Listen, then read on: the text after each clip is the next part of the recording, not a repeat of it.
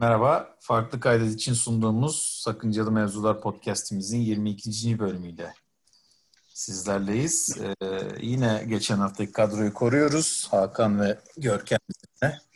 Hoş geldiniz. Hoş bulduk. Vallahi siz de hoş geldiniz. Biz hoş bulduk. Evet. Bir, ter- bir tereddüt oldu ama 22. bölümünde dedikten sonra bir es oldu acaba doğru mu söyledim diye. Ama ben de teyit yani, çıkartamadım sanırım. Onlar her zaman, ben de oralar her zaman karışık ama fena gitmiyorum gibi son zamanlarda. Tabii tabii süper gidiyorsun ya gerçekten. Yani hakikaten maşallahın var. Yani diyeceğim o. Abi e, bugün game theory konuşacağız diye düşündük. E, birazcık seni şakıtacağız, takıldığımız yerleri soracağız genel olarak. E, sen de tabii bu durumda bizi desteklersen yani. Bizi sorabiliriz değil mi hocam takıldığımız yerlerde? İstediğiniz sorudan da başlayabiliriz bu arada. Eyvallah. Okey. Şimdi bu o zaman ben sana direkt sorayım yani bu stratejik davranış biçimi mi diyeyim? Ne diyeyim?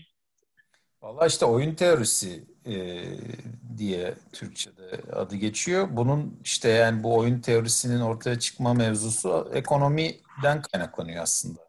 Yani hmm çok fazla şeyde e, kullanılıyor şu anda oyun teorisi ve özellikle günümüzde yapay zekada kullanıldığı için biraz daha popüler de oldu.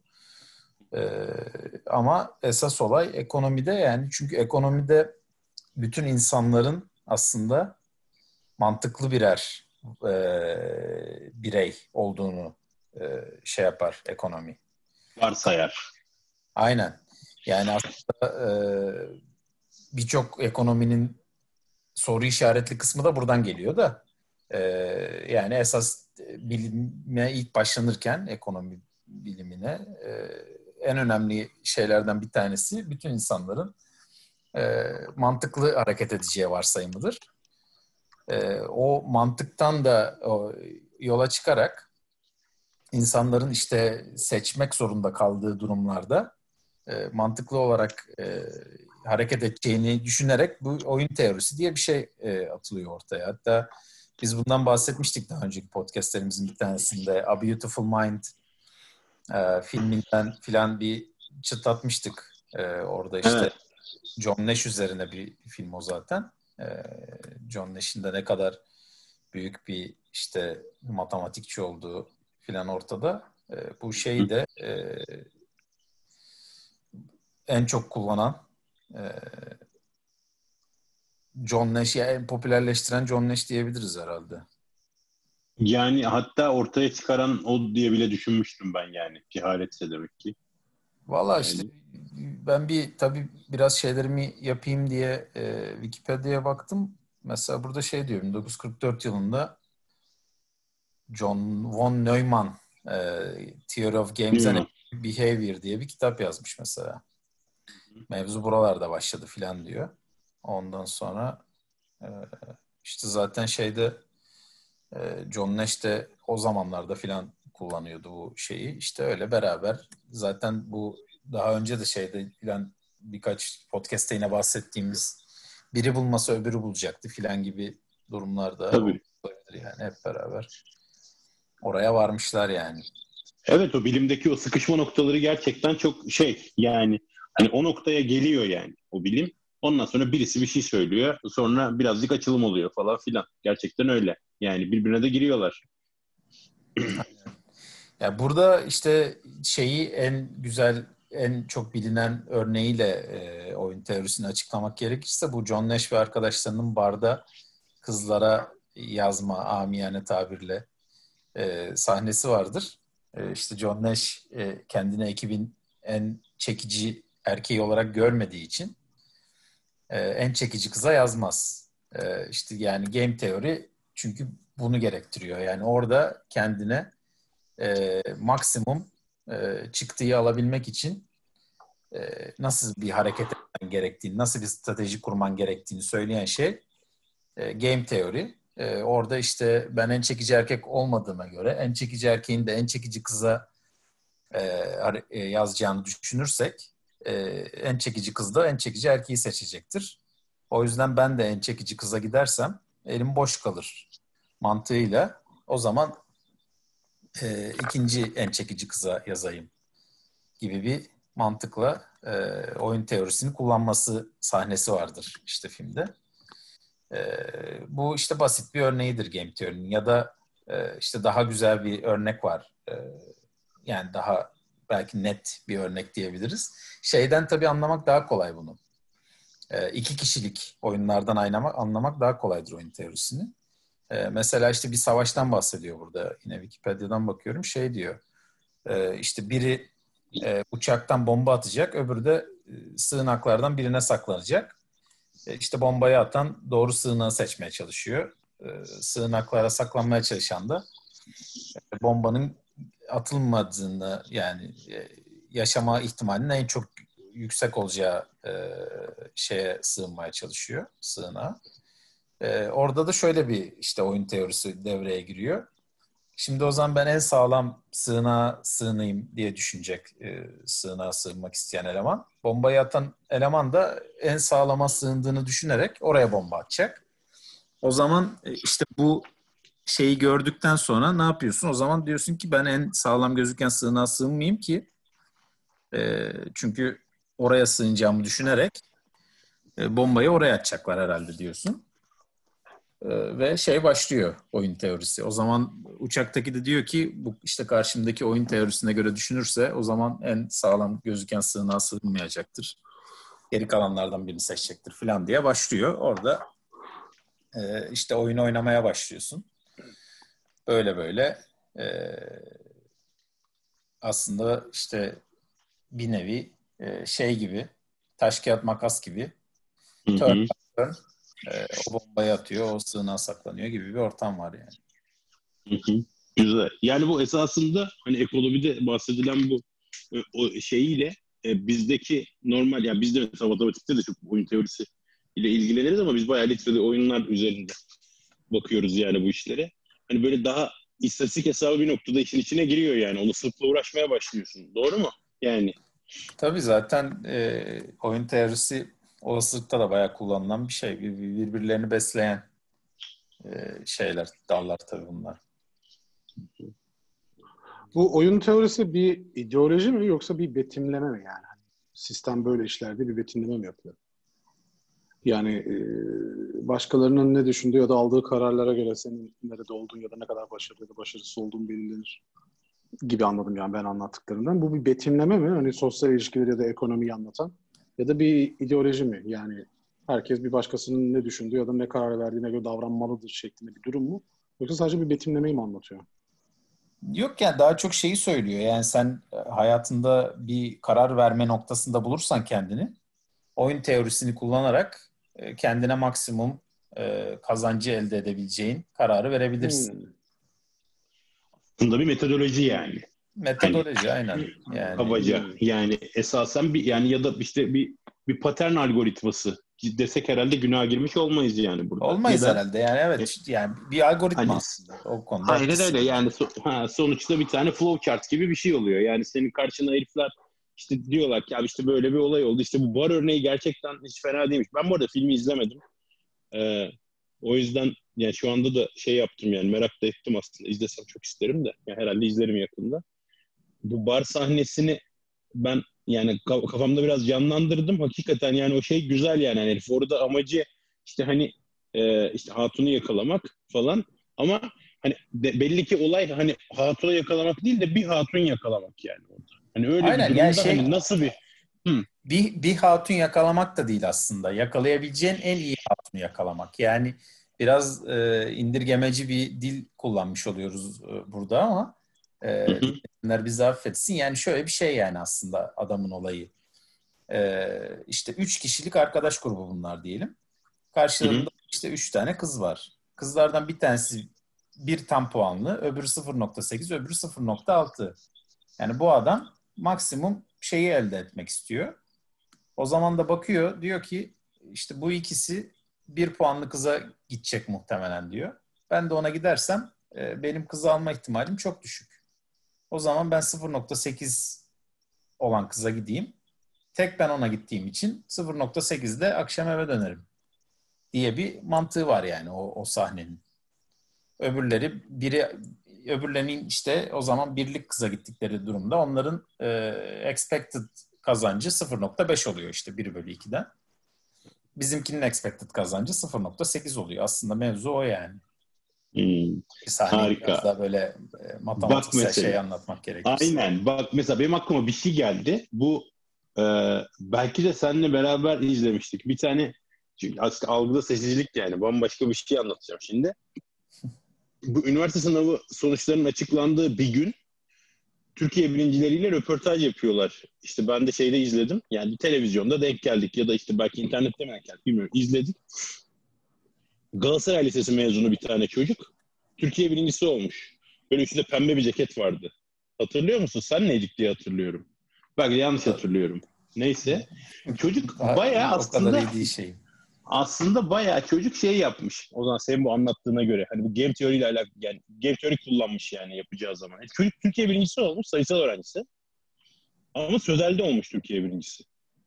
Soruyorlar böyle işte abi ne yaptın falan filan diye. Çünkü Türkiye birincisi olan öğrencilerin istedikleri tercihi yapma şansları var. Yani hani Türkiye birincisi olman yeterli. Hangi puan türünden olduğu çok önemli değil yerleştirmeye özel olduğu zaman. O zaman zaten iyice daha az puan türü vardı. O yüzden hani hiçbir sıkıntı yoktu bütün puan türlerinde olabiliyordu. Neyse çocuk bakmış böyle yanındaki yönündeki arkadaşları tabii okulda okulda Galatasaray Lisesi yani hani yanındaki arkadaşları da çok iyi belli ki. Ondan sonra ama bunların hepsinden kötüyüm diye düşünmüş çocuk. E ne yapacağız? Şimdi ben o zaman dandik bir yere gireceğim yani burada. Dandikten kastı tabii hani Türkiye'de kafaya oynayan birinci bölüme değil de ikinciye girecek ya da üçüncüye girecek falan gibi bir şey düşünmüş. Ondan sonra demiş ki lan ben demiş bunlarla yarışamayacağım. E bari benim matematik falan iyi. E biraz sözel çalışayım da öküz gibi. Belki sözelde bir şey yaparım. Türkiye birincisi olursa hmm. düzgün bir yere girerim diye düşünmüş çocuk. Pat. Olmuş yani.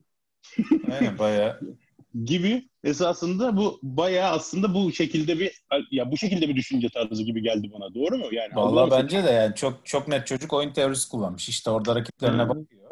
E, expected şeyi öngörüyor orada. Diyor ki ben bunlarla yarışırsam şansım düşük. E, o zaman ne yapabilirim? Stratejimde nasıl bir değişiklik yapabilirim diyor. Hemen orada bir fırsat görüyor ve e, on, onu ondan yararlanıyor yani. Hakikaten bence e, güzel bir e, oyun teorisi örneği diyebiliriz yani çocuğun yaptığını. İyi yani gerçekten güzel. O zaman şimdi mesela bu örnekten de yola çıkarak şunu söyleyebiliriz yani belki de hani başım insanların izledikleri yolları inceliyoruz. Başarıya giden yolları. Ya da yani. onlara bir yol yani işte ne ille de bunu tanımlamak zorunda mıyız ya ne yaptığımızı? yani, aklıma, ya bir karar verme e, karar verme mekanizması ya. E, karar verme mekanizmasında metodolojik bir yaklaşım. Aynen. Yani öyle diyebiliriz hakikaten. Diyebiliriz. Yani, e, bir popüler bir şeyi vardır bunun. E, Prisoner's Dilemma diye. Yani işte hmm. e, mahkumların ikilemi. Hı hı. E, o, o örneği de mesela verelim. Oradan da biraz daha iyi, akılda canlanabilir ne olduğu mevzunun. Şimdi Prisoner's Dilemma'da şey Theory of Knowledge sıkıntıları da vardır. Hocam onu evet. nasıl şey yaparsın o zaman bize? Ee, şimdi iki tane e, hırsızı yakalıyorlar. Ondan sonra e, diyorlar ki işte ikisiyle de ayrı ayrı konuşuyorlar. E, şöyle bir durum var yani hırsızlara söylenen eğer işte sen arkadaşını satarsan, e, onun işte hırsız olduğunu söylersen sen bir sene yatacaksın. Eğer o seni satarsa sen beş sene yatacaksın. Eğer ikiniz de birbirinizi e, satmazsanız ikiniz de yatmıyorsunuz gibi bir durum var. Şimdi buraya şeyden baktığın zaman de, e, expected value'larını düşündüğün zaman e, karşı tarafın seni satacağı garanti gibi bir şey. E, doğru girdim mi mevzuya şu anda tam kestiremedim ama e, o seni satacak dediğin zaman sen de onu satıyorsun. O zaman ikiniz de maksimum e, cezayı alıyorsunuz. Cezayı alıyorsunuz. Halbuki beraber oturup konuşma şansınız olsaydı Abi ikimiz de birbirimizi satmayalım deyip birer iki, sene yiyip oturacaktın. Ceza almadan e, devam edecektin hayatına. Ha ceza almadan yani, diye bir şey ha, yoktu pardon, galiba pardon. ya. Aynen aynen Orada... senin dediğin gibi bir sene alıyorsun doğru. Bir sene yani al... işte atıyorum bir sene ise de bir kat yani hani tam senesini aynen. bilmiyorum ama. Arkadaşını yani... satarsan e, o zaman sen sıfır. Sen gidiyorsun. Şimdi toparlayalım mı aslında? Yatıyor, toparlayalım. Şimdi mesela bir tane bir tane suç işliyorsun. Ondan sonra beraber bir suç işliyorsunuz. Bu adam başı en sene sana ceza gerektiren bir suç. Sonra sizi çapraz sorguya alıyorlar insanlar. Ondan sonra bu çapraz sorguda şöyle bir durum var. Sen eğer yaptığını şey yaparsan, e, kabul edersen e, en sene cezayı alıyorsun. Arkadaşın da kabul ederse en senede o alıyor. Tamam mı? Dolayısıyla bir problem yaşamıyorsunuz yani. Eğer sen itiraf ettiğin zaman arkadaşın inkar ederse o zaman 10 sene alıyor. Ama bir tanesi almamış oluyor. Aynen. Yani gibi bir şey. O, o, yani hani mesela sen tam sen yırtıyorsun ama öbürü 10 sene alıyor. Tam tersi durumunda da sen 10 sene alıyorsun. Bu sefer öbürü sıfır alıyor. Yani yırtıyor geçiyor. Ama eğer Aynen. ikiniz de inkar ederseniz beşte bir, birer en bölü beş birer gibi sene. bir şey alıyorsunuz. Birer sene gibi bir hikaye var. Evet. Yani o yüzden e, burada işte sen e, arkadaşını satarsan sıfır alıyorsun. İşte e, şey yaparsan bir alıyorsun. O seni satarsa da e, sen onu satmadığın durumda on alıyorsun gibi bir durum olduğu için sen direkt e, sana minimum e, verecek sıfıra yönleniyorsun ve arkadaşını satıyorsun. O da e, kendisine sıfır o, verecek opsiyon seçip seni satıyor. İkiniz de bu sefer 10 sene yapmış oluyorsunuz. Halbuki ikiniz de birbirinizi satmasaydınız ikiniz de birer sene yatıp çıkacaktınız. Mevzu bu. Yani kooperasyonun önemini biraz e, göstermek için biraz da aslında işte oyun teorisinin e, kimi yerlerde biraz çıkmazları olduğunu göstermek için ortaya atılmış bir ikilem aslında bu. E, yani işte bu, bunun üstüne aslında bir sürü e, game theory oyunları falan filan e, yapılmış. Mesela bize ben Vestel'e çalışırken oynatmışlardı. İki ekibe ayrılıp e, e, kooperasyon üstüne bir oyun oynatmışlardı.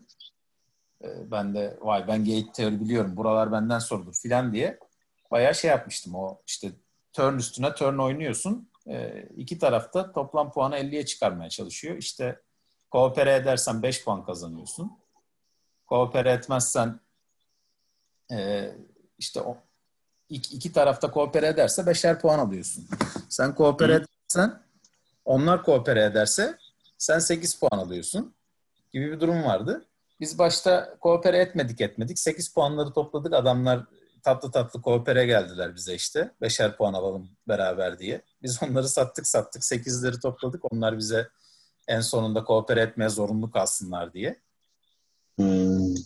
Ondan sonra adamlar da bize öyle bir kızdı ki ulan siz bizi oyunun başında 50 kere sattınız. Biz de sizle kooper etmiyoruz dediler. İkimiz de kaybettik mesela. Güzel anlatabildim bilmiyorum da. Evet evet iyi oldu. Yani esasında da... şöyle bir şöyle bir mantık kurdunuz siz. Biz başta bunlara iki kere madik atsak sonra zaten bunlar eşek gibi bizimle beraber çalışmak zorunda kalacak. Her seferinde aynı puan alacağımız için biz daha önceden iki kere fazla puan aldığımız için biz önde olacağız diye Yani biz biz ön, önde olacağız ve e, hedefe de ulaşacağız yani. Hedefte 50 puana ulaşmaktı. E, hedefe ulaşacağız diye bir mantık vardı. Ama adamlar hedefe ulaşamama pahasına biz onlara başta iki tane madik attığımız için hı hı. E, dediler ki vay kardeşim size güvenilmez. Biz yokuz etmiyoruz sizle koopere dediler. Ondan sonra hı iki taraf da hedefe ulaşamadı sonuçta yani. Yani işte mesela bu tip teorilerde yani bu tabii ben ekonomiden çok anlamam ama yani hani sen anlıyorsun diye söylüyorum. Bu tip teorilerde en büyük flow esasında hani karşındaki insanın gerçekten düşünerek hareket ettiğini düşünmek herhalde. İşte başta Öyle değil mi? Aynen yani, başta da onu söyledim ya ekonominin en büyük sıkıntısı aslında buradan kaynaklanıyor diye. Ee, ha, evet. Çok çok net bir şekilde yani bütün ekonomi şeylerinde e, mesela ekonomi şeyinin e, mikroekonominin bir numaralı şeyi insanın aldığı haz birimidir. E, onun üstüne kurulur her şey. Ve der ki işte insan aldığı hazzı maksimize etmeye çalışan bir varlıktır gibi bir tanım vardır ekonomide. Halbuki kimse kararlarını böyle düşünerek mantıklı bilmem ne bir şekilde almıyor yani. İnsan aslında haz falan maksimize etmeye çalışan bir varlık değil yani düşününce. Yani öyle olması beklenir belki. Ama değil. Bin tane şey var insanın aklından geçen yani. Hiç, hiç yani ve sonradan zaten yapılan bin tane araştırmadan sol, sonra e, nasıl karar verdiği insanların üç aşağı beş yukarı e, anlaşılmaya çalışılıyor şu anda. Hiç öyle haz falan maksimize etmeye çalıştığı yok. Ya işte e, bilinç altından geçen bir şeylerle karar veriyor. Ya işte e, ne bileyim izlediği bir reklamdan aklında kalanla karar veriyor gibi gibi bin tane böyle beyinde dönen e, mevzu var. O yüzden haz maksimize etmeye çalışmadığı için ekonominin bayağı üstüne e, kurulu olduğu ana taş orada sallanıyor yani. Öyle bir sıkıntı var mevzuda. Hmm. Yani dolayısıyla sonuçta yine de e, işte istatistik hesabına bağlı yürüyor gibi bir şey oluyor yani. Sonuçta geçmişteki eğilimlerden, geçmişteki yapılmış şeylerden gelecekteki eğilimleri, eğilimleri tahmin etmeye çalışıyorlar yani bir şekilde. Ama buradaki haz dediğin şey, bilmiyorum Görkem abla bu konuda katılır mı ama yani hazzı yükseltmeye çalışıyor lafı esasında böyle biraz daha hani sanki e, liberal ekonomi şey gibi geldi bana hani ya da normal liberalizm diye düşünürsen hani orada da mesela e, hazzı yükseltmeye çalışır ya toplam hazzı özellikle bu işte hani daha önce Selim'in de şey yaptığı hani bahsettiği bu Rawls dediğimiz bir abi vardı yani. O da mesela böyle hani toplam e, hazzın yükselmesi fair olmak yolunda bir şeyler verir bize falan filan diye. Yani toplumun e, nasıl denir ona? E, ortalama mutluluğu diyeyim. Hani anlatabildim mi? Ya birileri mutlu olabilir birileri mutsuz olabilir ama toplum ortalama olarak mutluysa hani biz bunu yakalamaya çalışıyoruz. Optimum durum budur gibi bir şey söyleniyor. E, dolayısıyla bu haz dedikleri şey belki de hani o bilinç altından geçen şey de belki o insana haz veriyor diye değişik bir tanım altına alınabilir belki yani. Oradaki haz tanımı belki sıkıntı yaratıyor olabilir. Yani işte o e, İngilizcesini unuttum şimdi de mevzunun. Türkçe'ye nasıl çevrileceği onun konuşuluyordu. E, işte ya haz diye çevireceksin. Yani ya ne bileyim ona benzer bir kelime bulman gerekiyor orada. Hı hı. E, ama yani mevzu şu aslında bak mesela orada güzel bir şey söyledin sen işte ortalama mutluluk falan diye. Şimdi Hı? bir sorulardan bir tanesi de o. O biraz aslında işte operations research kısmına da giriyor mevzunun. Ee, ortalama mutluluğu mu maksimize etmeye çalışacaksın yoksa e, minimum mutluluğu mu maksimize etmeye çalışacaksın. Etmeye çalışacaksın. Yani bir insanın en en mutsuz olan insan mutluluğunu mu maksimize etmeye çalışacaksın yoksa ortalama mutluluğunu mu maksimize etmeye çalışacaksın ya da aklına gelebilecek birkaç alternatif daha var. Yani düşünsek şimdi buluruz mesela. Aa bunu da maksimize etmeye çalışmak iyi olur filan diye bulabileceğimiz. Ee, orada öyle şeyler oluyor. Yani biz bir tane hedef koyalım ve o hedefe çalışalım dediğin zaman hedefi doğru belirlemek çok kritik. Onu da yapmak zor yani. Ee, buradan ben konuyu çok saptırıp bambaşka yerlere gidebilirim. Gitmeye, Ulan git. E, şeye ha, geri... Gitmek istemiyorsan gitme de. yani başka bir podcast'in konusu falan olabilir. Yani o işte ak- akılcılık mı deniyor buna? Öyle bir şey deniyor yani. Toplum mühendisliği falan gibi laflar da var. Yani onların Hı-hı. aslında ne kadar boş, ne kadar saçma sapan işler olduğu. İşte devlet planlama teşkilatına kadar ben buradan götürürüm mevzuyu. Ee, zorlama işler yani. Ee, ama ee, onları yine başka bir dediğim gibi podcast'a bırakabiliriz. Ee, içimizi başka bir podcast'a dökebiliriz. Toplum yani, mühendisliği dediğin şeye inanmıyor musun? İnanmıyorum yok. İnanmıyorsun. Sen yani inanıyor İnsanlarla uğraştığın sürece bence e, yani endüstri mühendisliği e, eğitimi almış ve güzel bir endüstri mühendisliği eğitimi almış ve bu konuda biraz düşünmüş bir insanın böyle bir şeye e, inanması zor. Çünkü insan rational bir varlık değil. Yine ona döneceğiz yani. Öyle evet. için öyle toplum mühendisliği bilmem ne. Yani makine değil bunlar yani. O yüzden mesela endüstri mühendisliğinin diğer mühendisliklerden ayrıldığı en önemli nokta budur. Diğer mühendislikler e, ne koyarsa ne alacağını bilir.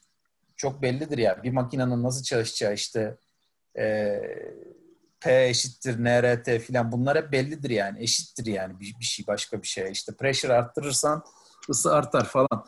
Böyle e, çok net denklemler var ortada. E, endüstri mühendisliğinde öyle değil yani. Bilemiyorsun yani. E, bir tane adam e, bir işe koyduğun zaman 5 dakikada yapıyorsa ikinciyi koyunca iki buçuk dakikada bitmiyor iş yani. Bazen iki dakikada bitiyor, bazen dört dakikada bitiyor. Filan. Yani o kadar basit matematik olmuyor. O yüzden insan işin içine girince senin başta yaptığın bütün hesaplamalar bir yerde fosluyor yani.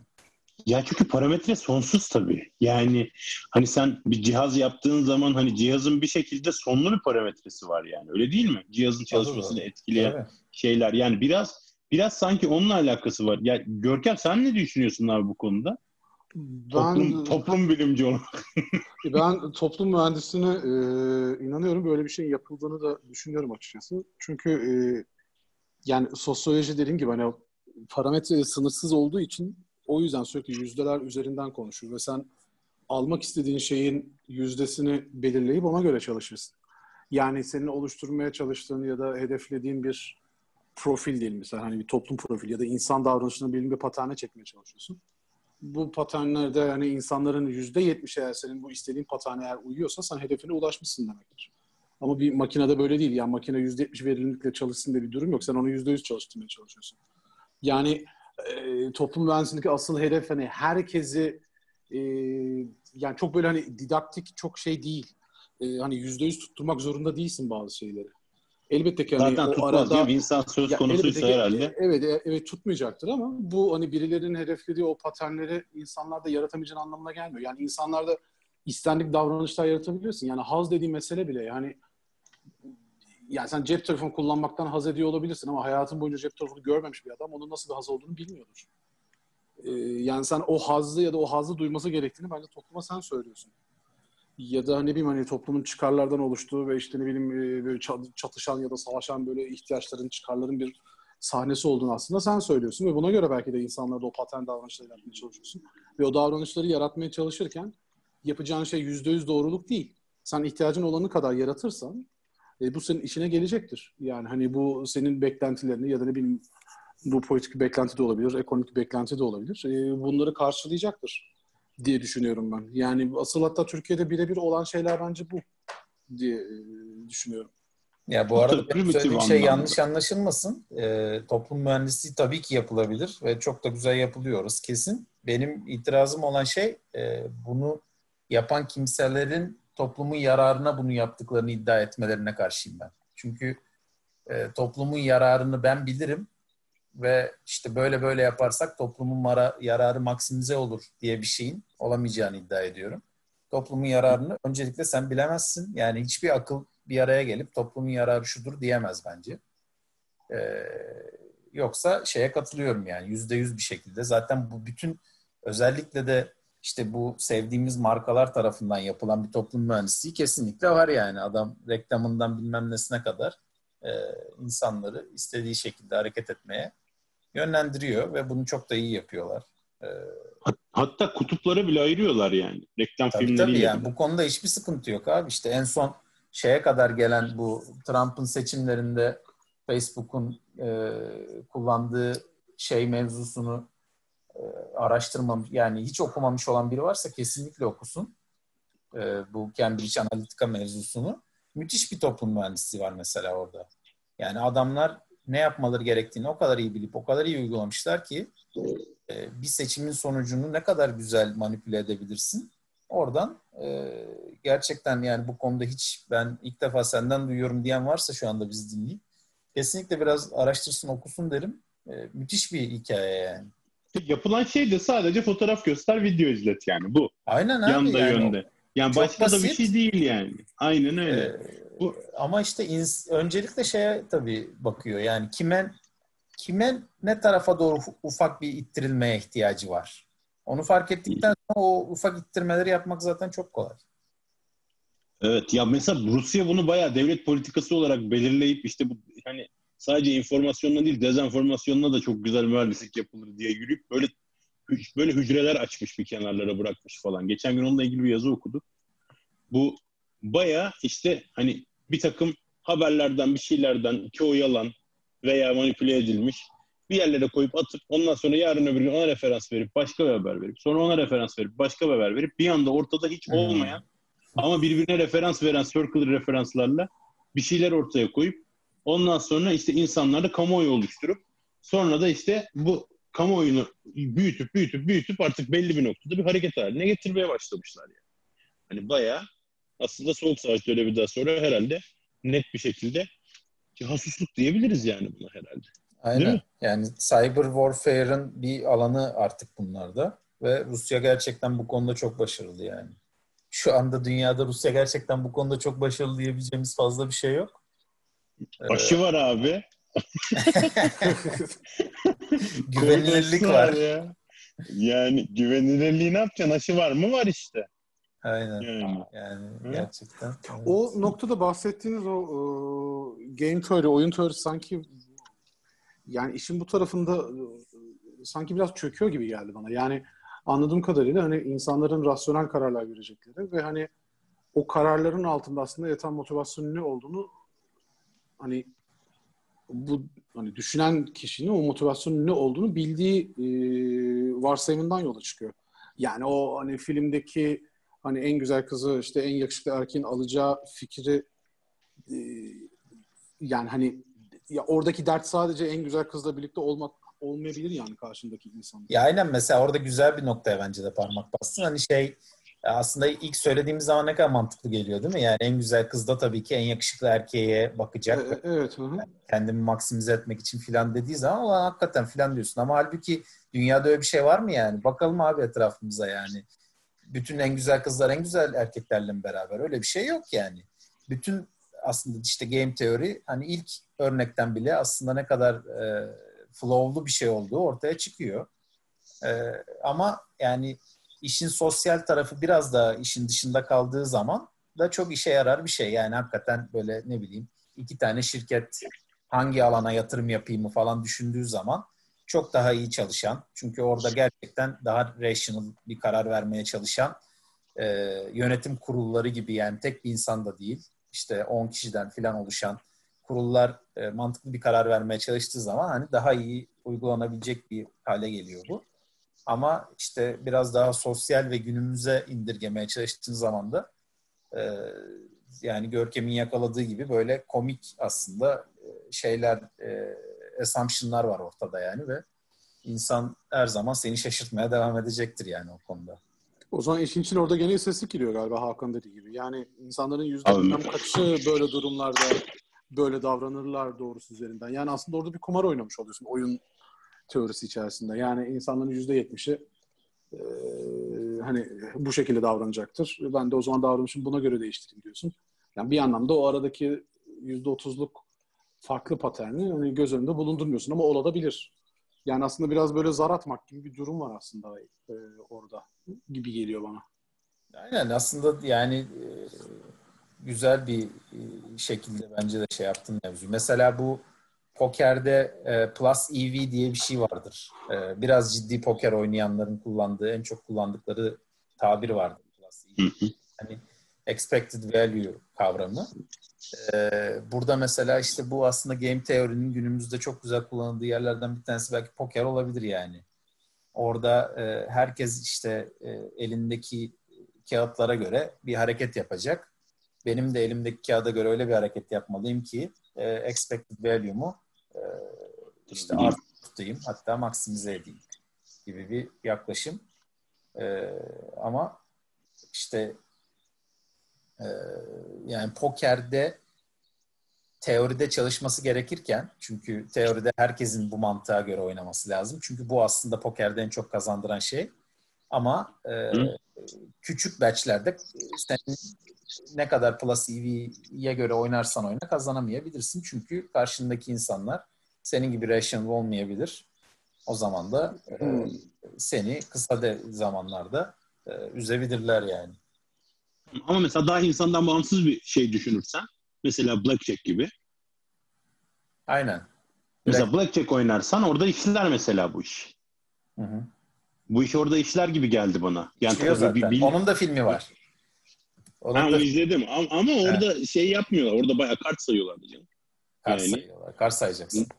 Ne geldi, ne gelecek onlara bakıyorlar. İşte ama yani onlar. kartı niye sayıyorsun? Yine aynı mevzudan dolayı sayıyorsun. Yani kartı saydığın için e, istatistiği yani istatistik yapmış olmuyor musun aslında? Şunlar çıktı. Tabii, tabii. Gelme ihtimali tabii. nedir? E, gibi yaklaşıp e, kart sayarak işte şeyini expected value'nu e, maksimize ediyorsun yani orada da.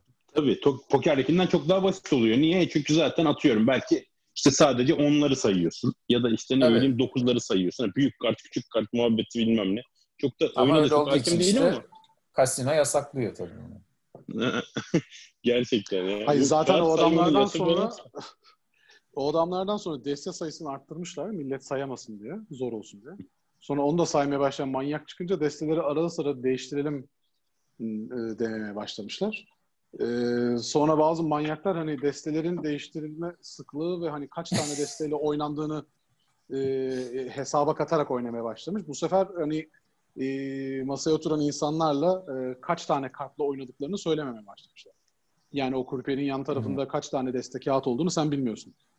Ve o desteler belirli sayılarda hani yeni deste geliyor. O destenin içerisinde kaç tane kağıt var sen hiçbir zaman bilmiyorsun. Bunu hiçbir zaman söylemiyorlarmış öyle şey. Yani hmm. tamamıyla şansa kalsın mesele. Yani hiçbir şekilde hani ellerinde bir parametre üzerine kurulacakları bir ses olmasın diye. Ya o kadar da denetimsiz kumar oynanmaz ama ya. Yani hani değil mi? Ya hani orada belki de yani adamların koydukları standart 52'ler de belki standart 52 olmayabilir o zaman ya. O zaman çok başka yerlere gider muhabbet. E, e, tabii yani. canım yani olabilir. Yani o adam ya, ya o destenin içerisinde papaz ya da kız da olmayabilir. Yani adam dediğim gibi hani şeyleri çıkartmaya çalışıyor.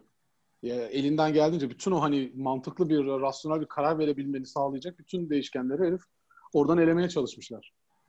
Ya şöyle vakalar Vallahi. yaşamış. Belki konudan çok alakası belki ama.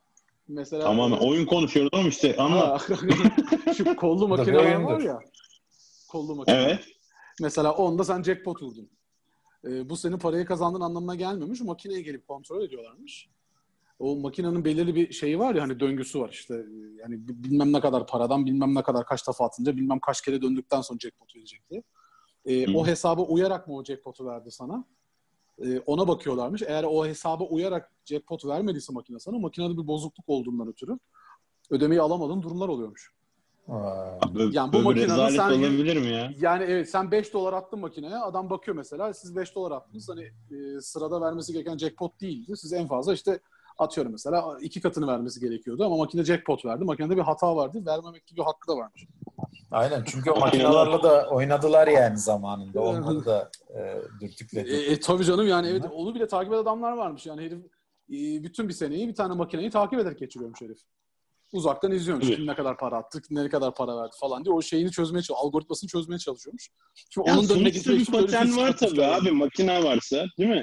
Yani mesela ya, bir ara şeyde de bir ara delirdiler ya bu. Hani işte atıyorum üniversite sınavında şeylerin doğru cevapların bir algoritması var bilmem ne falan filan diye. Bu algoritma olmasa okuyucu nasıl okuyacak? Yani ya evet. var tabii bir şekilde bütün ya bütün şeylerin cevap anahtarlarının birbirinden farklı olduğunu söylüyorlar. E bütün cevap anahtarının birbirinden farklı olması bunu bir şekilde bir algoritma yap, yapması lazım adamın. Yani 2 milyon tane cevap anahtarını insan zihniyle yapamaz ki herhalde. Öyle değil mi? E, tabii şimdi bir şey ya, e, e, e, eline kağıt kalem alıp birileri doğru yanlış da yanına çek atmıyordur tabii ki. Yani o kağıt illa yani makine biliyorsun. makine işi gerçekten enteresan. Bu game teoriyi makine öğrenmesinde kullandıklarını söylüyorlar mesela. Makine bunu bu şekilde öğreniyormuş diyorlar. Bununla alakalı bilginiz var mı? Benim, benim yok yani. Doğru mu ya da? Makine öğrenmesi diye bir şey başladı ya işte bu yapay zekada makineye öğretmeye başladılar falan filan. Makine öğreniyor. Yani bir yazılım yapıyorlar. Sonra işte yazılım mesela atıyorum işte bir tane kare çizdin. Bu karenin ortasına bir tane köşegen çizdin. Sonra bu köşegenin etrafında işte noktalar işaretlemeye başlıyorsun. Nokta koyuyor bir cihaz. Ondan sonra işte sonra belli belli bir noktadan sonra bu noktaların hepsini doğrunun üzerine koymayı öğreniyor falan gibi yalandan bir algoritma söyledim yani şimdi. Hani hepsini evet. onun üzerine koyması gerektiğini öğreniyor. Şimdi bunu öğrenirken cihaz ya da işte yazılım her neyse bu game teori kullanıyorlar diyorlar mesela. Böyle böyle bir şey duymuştum. Bu doğru mu yani? Hani bunu nasıl nasıl kullanabilirler ki böyle bir şey? Biliyor musunuz? Bir fikriniz var mı? Vallahi benim evet, fikrim yok okumadım. Ev ödevi gibi oldu vallahi bize. Ev ödevi gibi oldu. Hadi bakalım. yani game teoriyi burada nasıl kullanıyorları düşünmek lazım. Ben artificial intelligence'da game teori kullanıldığını biliyorum ama onu böyle daha çok e, işte satranç oynama falan filan gibi noktalarda kullanıldığını e, düşünüyorum. Yani karşılıklı hamle yapılan yerlerde kullanıldığını düşünüyorum. Bir şey vardı. Bir tane cihaz bir oyun oynamayı kendi öğrenmişti. Sonra da milleti Aha, öldürmüştü Alpha, falan. Alpha Zero. Alfa Zero. Alfa Zero. O satranç oynamayı mı öğrenmişti, Go oynamayı mı? Satrançtı Önce- değil mi? Ön- önce satranç öğrendi, sonra Go mu yoksa tam tersi mi? Hangisi önceydi? Yani ikisini de oynadı. Ee, Alpha Zero hem Lila diye satranç programı var şu an hem Go oynayıp e, şeyi yendi. E, Dünyanın en iyi golf oyuncusu kabul edilen e, Sedol müydü adam? Adı, öyle bir adam mı yendi? E, herkesi yendi yani. Hatta Shogi, Shogi filan da öğrettiler en son. Shogi'de ne yaptı bilmiyorum da. Ee, bakıyorum Shogi'de de yanmış. Yani ne artık ya öyle bir şey yapıldı ki hangi oyunu sen öğretirsen hemen e, rakibini yeniyor bu Alpha Zero. Öyle bir hale Ama geldi. hamleli oyun anladığım kadarıyla hep hep bir sen bir karşı oynayacağı şekilde oyunlar anladığım kadarıyla. Baş, Öyle değil mi? yani ne gibi başka bir oyun? Batak oğlum. var başka? Ya satranç dama falan gibi oyunlarda. Kişi oynanan oyunlardan bahsediyorum. Yani ne bileyim tavlada da bu aynı şeyi yapar. Ee, biraz uğraşsan bir işte de yapar muhtemelen. Tabii bir iş biraz daha farklı da. İşte, işte mesela birisi yapar gibi gelmedi bana da o yüzden aslında hamleli oyunlar ya ondan bahsediyorum. Sanki Ha, işte onu diyorsun. gibi. Aynen. Yani bir Evet. işte yapmak için biraz daha e, modifiye etmek lazım muhtemelen de. Ee, evet, haklısın. Yani şey tabii önemli burada. Ee, satrançta da, Go'da da ne kadar çok olursa olsun opsiyonlar sınırlı ya. Hı. Öyle bir şey var tabii. Yani bir sonraki hamle sınırlı sonuçta. Evet. Gerçekten bu işler enteresan yani. Bu güzel işler bunlar. Ya bu ya- yapay zeka işini merak ettim. Yani bunu bunu bir bilene sormak lazım. Hatta eğer öğrenirsek burada konuşuruz. Yani konuşuruz derken evet. böyle bir şey varmış diye söyleriz. Bir gün besip konuşacak kadar ne? Ya da sahibini getirir anlatırız. O da olabilir. Getirip anlattırabiliriz. Yani yapay zeka ve işte bu deep learning falan filan mevzuları. Bu işte bizim bu bas- şeyin yaptığı, Alpha Zero'nun yaptığı e, deep learning yani kendi öğreniyor. Evet evet o çok e, ilgi çekici bir şey. Yani onun mekanizmasını ben merak ettim. Yani şu anda aslında- merak ettim yani. İnsan gibi öğreniyor. Yani bundan önceki mesela satranç şeylerine insan e, bilgiyi dışarıdan veriyordu. O da o aldığı bilgilere göre e, hesaplama gücü çok kuvvetli olduğu için e, oynuyordu. Ve hesaplama gücü senden benden ve en iyi satranççıdan da kuvvetli olduğu için herkesi yeniyordu mesela. Ama e, bu yöntem farklı bir yöntem. Yani bu yöntemde insan dışarıdan hiçbir şey vermiyor. Kendi kendine oynayarak öğreniyor. Yani aslında bizim gibi öğreniyor. Yani bilgiyi insanoğlu nasıl satrançtaki bilgiyi kümülit, kümülatif bir şekilde öğrenmiş yani. Ee, herkes bir jenerasyon öncenin aldığı yerden alıp bir yerlere götürüyor satrancı. Ee, Alfa Zero da bunu yapıyor aslında. Kendi kendine oynuyor oynuyor öğreniyor. Aa diyor işte fili işte açılışta şuraya çıkarsam böyle oluyormuş. Demek ki şuraya çıkayım. Ya da işte e, satrançta işte tahtanın merkezini ele geçirirsem çok büyük avantaj yakalıyorum. Demek ki öyle yapayım. Filan gibi bizim bildiğimiz şeyleri de buldu. Bizim çok aslında akıl edemediğimiz şeyleri de buldu. Mesela Alfa Zero çok güzel e, satrançtaki bazı taşları bir yerlere sıkıştırdı yani karşı rakibin taşlarını. Yani öyle ki piyonlarla öyle bir şey kuruyor ki e, ne bileyim filmler mesela gibi. E, Valla e, asıl insan gibi öğrenen bir makineyi asıl yenmek e, bence hani mümkün olmayacaktır. Çünkü diğer bildiğim kadarıyla makineleri yani e, Kasparov diye bir satranççı var bilirsiniz gerçi yakın zamanda. ben de e, yani ufakken mesela onun böyle şeyler gazetelerde oyunları şeyleri falan çıkardı yaptığı hamleler falan. Ben de satranç öğrenmeye çalışırken onun böyle yaptığı oyunları kendi evimdeki satranç tahtasına koyar. Takip ederdim herif nerede ne yapıyormuş falan diye. Bu IBM'in yaptığı Deep Blue makinesini bu adam 3 kere mi 4 kere mi yeniyor. Son bir karşılaşma yapıyorlar.